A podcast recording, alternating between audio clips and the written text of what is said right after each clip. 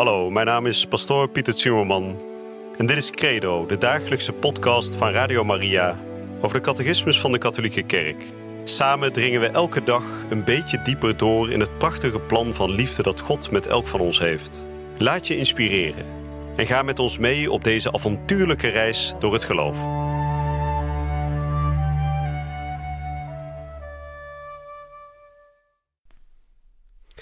Broeders en zusters, beste luisteraars, van harte welkom bij deze nieuwe uitzending van de dagelijkse catechese hier bij Radio Maria.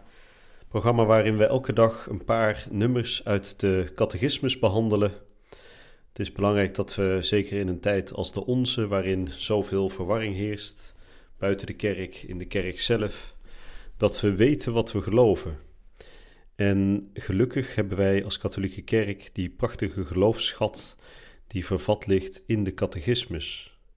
En daarom elke dag 10 minuten waarin we dieper doordringen in die grote rijkdom van ons geloof. We zijn de afgelopen dagen aan het spreken over de Heilige Schrift, de Bijbel. We hebben het erover gehad dat de Bijbel niet gedicteerd is door God, dus letterlijk ingefluisterd om het zo te noemen, maar wel geïnspireerd is door God. Dus dat de schrijvers van de Heilige Schrift, hè, dat zijn natuurlijk verschillende boeken, een hele verzameling van boeken. En de schrijvers van die verschillende boeken waren geïnspireerd door de Heilige Geest. En daarom kunnen we de Heilige Schrift ook met recht het woord van God noemen. We gaan daar vandaag nog wat op door. We gaan vandaag kijken naar drie belangrijke criteria die de kerk ons geeft over hoe we de Heilige Schrift zouden moeten lezen. En ik zal vandaag behandelen de nummers 107 tot en met 113. We zullen weer zoals gebruikelijk eerst beginnen met een kort gebed. In de naam van de Vader en de Zoon en de Heilige Geest. Amen. Heilige Vader, samen met uw Zoon Jezus Christus zendt gij de Heilige Geest uw Heilige Geest is één en eeuwig. Het is dezelfde Geest die destijds de schrijvers van de Bijbel inspireerde om het woord van God neer te schrijven, uw woord. En we willen vragen dat u diezelfde Heilige Geest ook tot ons zendt, dat u ook ons inspireert in deze tijd om vol te zijn van uw licht, van uw liefde en van uw waarheid. Amen.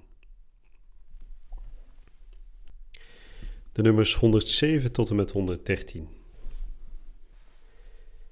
De geïnspireerde boeken leren de waarheid. Omdat men dus alles wat de geïnspireerde of gewijde schrijvers zeggen, moet beschouwen als door de Heilige Geest gezegd, moet men ook beleiden dat de boeken van de schrift vast, trouw en zonder dwaling de waarheid leren, die God omwille van ons hel in de heilige boeken wilde laten vastleggen. Het christelijk geloof is echter geen godsdienst van het boek. Het christendom is de godsdienst van het woord van God. Niet van een geschreven en stom woord, maar van het mens geworden levende woord. Christus, het eeuwige woord van de levende God, moet door de Heilige Geest onze geest toegankelijk maken voor het begrijpen van de Schriften, opdat zij geen dode letter blijven de Heilige Geest als tolk van de Schrift.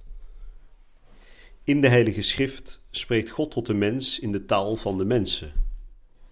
Om de Schrift goed te verklaren, moet men dus letten op hetgeen de menselijke auteurs werkelijk hebben willen zeggen en wat God ons door hun woorden heeft willen openbaren. Om de bedoeling van de heilige auteurs te ontdekken, moet men rekening houden met de tijdsomstandigheden en de cultuur waarin zij leefden de literaire genres die in die tijd in zwang waren, de toenmaals gangbare wijze van aanvoelen, spreken en vertellen. De waarheid wordt immers op een verschillende manier voorgesteld en uitgedrukt in teksten die op een uiteenlopende wijze historisch, profetisch en dichterlijk of van een ander genre zijn. Maar aangezien de Heilige Schrift geïnspireerd is, bestaat er een ander beginsel van juiste interpretatie dat niet minder belangrijk is dan het voorafgaande. En zonder dit beginsel zou de schrift een dode letter blijven. De Heilige Schrift moet worden gelezen en verklaard in het licht van dezelfde geest door wie ze geschreven is. Het Tweede Vaticaans Concilie geeft drie criteria aan voor een verklaring van de schrift overeenkomstig de geest die haar geïnspireerd heeft. Het eerste punt. Allereerst veel aandacht schenken aan de inhoud en de eenheid van de hele schrift. De schrift immers is, hoe verschillend de boeken ook zijn waaruit ze bestaat, één op grond van de eenheid van Gods helsplan, waarvan Jezus Christus het middelpunt en het hart dat sinds zijn Pasen geopend is. Met het hart van Christus wordt de Heilige Schrift bedoeld, die het hart van Christus doet kennen. Dit hart was echter voor het lijden gesloten, omdat de schrift duister was. Maar na het lijden werd de schrift geopend, omdat zij die haar al kenden, nu aanschouwen en inzien hoe de profetieën uitgelegd moeten worden. Het tweede punt. Vervolgens de schrift lezen in de levende overlevering van heel de kerk. Volgens een uitdrukking van de kerkvaders laat de Heilige Schrift zich beter lezen in het hart van de kerk dan in stoffelijke uitdrukkingsmiddelen.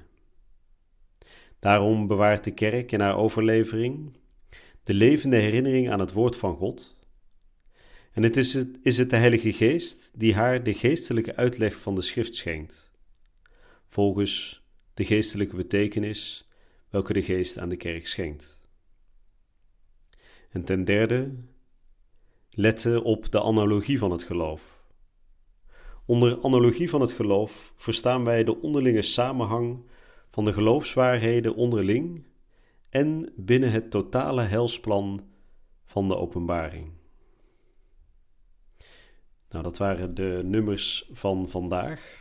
Een paar belangrijke punten die worden genoemd. We hebben het natuurlijk uh, allereerst gehad over de boeken, de boeken van de Bijbel, van de Heilige Schrift. Die leren de waarheid, omdat de schrijvers geïnspireerd zijn door de Heilige Geest. Daar hebben we het al eerder over gehad. Maar toch, en dat is een opmerkelijke opmerking, zijn we niet een godsdienst van het boek. De islam is dat bijvoorbeeld meer. Alles wat in de, in de Koran staat is volgens een moslim letterlijk zo op te vatten. je kunt er ook één regeltje uitnemen en daar kun je dan, um, ja, daar kun je dan je hele geloof aan ophangen, om het zo te noemen. Maar wij bekijken als christenen, als katholieken, de, de Heilige Schrift, ons boek, op een andere manier. En er zijn drie criteria genoemd hoe wij dan de Bijbel, de Heilige Schrift, moeten bekijken. Nou, allereerst, hè, dus voordat ik die drie criteria nog even kort aanstip, allereerst is het belangrijk dat wij geloven in een levend woord. We geloven niet in een boek. We geloven dat het boek dat is geschreven is geïnspireerd door de Heilige Geest van God. De schrijvers zijn geïnspireerd. Maar uiteindelijk geloven we in het levende woord, Jezus Christus zelf. Dus Hij is de grote inspirator ook van de Heilige Schrift. Het woord dat vlees is geworden. Jezus, de levende Zoon van God. Dus we geloven in een levende letter, zou je kunnen zeggen, een levend woord en niet in dode pagina's. En vervolgens dus die drie criteria waarover het Tweede Vaticaans Concilie leest over hoe we de Bijbel moeten lezen. Nou, het eerste punt dat genoemd werd was dat we aandacht moeten schenken aan de inhoud en de eenheid van de hele schrift. Wat bedoelt de catechismus daarmee? Daar wordt mee bedoeld dat wij ervoor moeten waken dat we niet één klein stukje uit de Heilige Schrift nemen en zeggen: dit is de hele waarheid. We hebben dat in de loop van de kerkgeschiedenis natuurlijk af en toe zien gebeuren. En het gevaar bestaat dan ook dat je een soort um, radicaliteit in de hand werkt. Op het moment dat je één regel eruit plukt, je hoort dat ook wel vaker, regels uit het Oude Testament, die nogal oorlogzuchtig zijn, dan zeg je: ja, hoe kan God um, zo zijn als de God van het Oude Testament? Nou, het antwoord daarop is dus dat we de schrift, de Bijbel, als een geheel moeten lezen. Alle boeken van de Bijbel hebben een innerlijke samenhang. En pas als je het geheel bekijkt, wordt het ook logisch. Wordt het een, een, eh, een soort huis dat klopt. Nou, het tweede punt wat wordt genoemd is dat we de schrift moeten lezen in de levende overlevering van de kerk, in de traditie. En ook dat is erg belangrijk, want dat zorgt ervoor dat we niet ineens gaan zeggen van de ene op de andere dag: die Bijbeltekst betekent iets heel anders dan wat er de twee, afgelopen 2000 jaar is beweerd. dus we moeten kijken wat hebben de pausen door de eeuwen heen over uh, de Heilige Schrift gezegd, wat hebben de kerkvaders, de heiligen erover gezegd. En in die samenhang van die hele rijke traditie kunnen we pas kijken ehm, wat die woorden uit de Heilige Schrift betekenen. En ten derde, het laatste punt, wordt er genoemd de analogie van het geloof. Nou, daar wordt mee bedoeld, een beetje een moeilijke term misschien, maar daar bedoelt, uh, bedoelt de catechismus mee de onderlinge samenhang van de geloofswaarheden. dus op het moment dat je zegt dat bijvoorbeeld God de drie-ene God is uh, en dat Jezus Christus is gestorven uh, aan het kruis en voor de redding van de mensheid is verrezen, dat die twee verschillende geloofswaarheden met elkaar samenhangen. Dus alle dogma's van ons geloof, er is een innerlijke eenheid tussen al die dogma's. En op die manier moeten we ook de Heilige Schrift lezen. Dus dat al die dogma's die daar uh, in vervat liggen, dat die op de een of andere manier innerlijk met elkaar verbonden zijn. Nou, we gaan er in de volgende uitzending nog verder over door. Um, ja, het is iets waar we eigenlijk nooit te veel over kunnen spreken. De Heilige Schrift. Er wordt van katholieken wel eens beweerd van ja, die hoeven die Heilige Schrift niet te kennen, want die hebben de sacramenten. Maar ja, dat is natuurlijk onzin, want juist de Heilige Schrift is ook voor ons zo'n rijke schat. En daarom is het ook zo mooi dat die tegenwoordig ook voor veel meer mensen uh, toegankelijk is gemaakt. Nou, ik hoop u bij de volgende uitzending hier weer bij Radio Maria te ontmoeten. En voor nu wens ik u een hele goede en gezegende dag toe. Je luisterde naar Credo, de dagelijkse podcast van Radio Maria over de catechismus van de Katholieke Kerk. Credo is iedere werkdag te beluisteren op Radio Maria. Maar je kunt de afleveringen ook in je eigen tempo terugluisteren op onze website, in de app of op Spotify en de andere platforms. Via de website radiomaria.nl vind je dagelijks de link om de bijbehorende teksten uit de catechismus mee of terug te lezen. We zijn erg dankbaar voor alle giften die wij mogen ontvangen. Daardoor kunnen we ons goede werk blijven doen. Draag je ook bij aan deze missie?